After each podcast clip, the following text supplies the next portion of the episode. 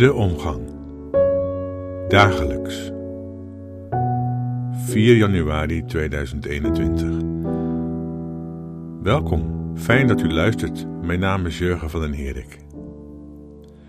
Bij het opbergen van een kerststal houd ik nog even de houten figuren vast.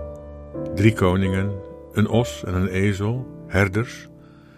Mooie pastelkleuren hebben ze en een beetje abstract uit het juiste hout gesneden. Komende kerst zet ik de stal weer neer en u misschien ook. Maar degene die alleen maar die dingen in huis accepteren die in de Bijbel staan, die kan de stal misschien beter in de doos laten. Want in de Bijbel is de kerststal een stuk soberder. Eigenlijk is het hele verhaal van de stal gebaseerd op het evangelie van Lucas. Want de koningen bijvoorbeeld komen helemaal niet in de stal, maar bij Jozef en Maria thuis. Kijk maar in Matthäus. Dus de ster boven de stal, dat klopt niet. Dat het er drie waren, staat er ook niet. Voor hetzelfde geld waren het er vier of zeven. Drie geschenken hadden ze bij zich, dat dan weer wel.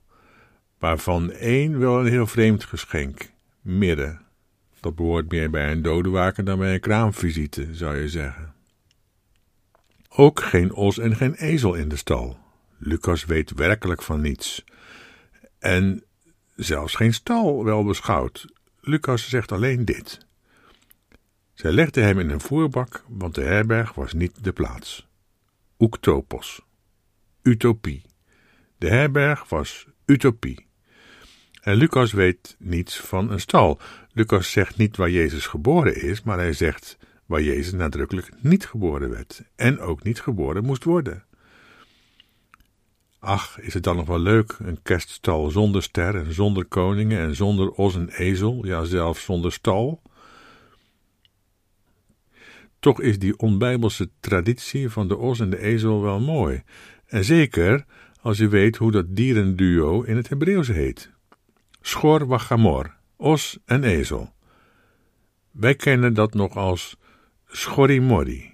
Jezus is tussen het Schorrimorri geboren, ja. Wat is trouwens een os? een os is alleen maar iets niet. Een os is geen stier. En je weet wel stier. En een ezel, een ezel is geen paard, een oorlogsdier. Os en ezel zijn alleen maar iets niet, een soort van nietsnutten.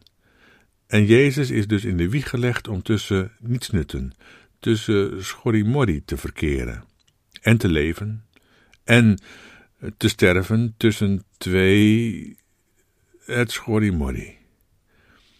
Deze buitenbijbelse traditie is al heel oud, bijna zo oud als het verhaal van Lucas. Dat wil zeggen dat mensen destijds heel goed door hadden, wellicht beter dan wij, waarover Lucas het wil hebben. Jezus is niet met een zilveren lepeltje in zijn mond geboren, zoals het een koningskind betaamt, maar tussen het uitschot. Dat is zijn plaats, zijn koninklijke plek.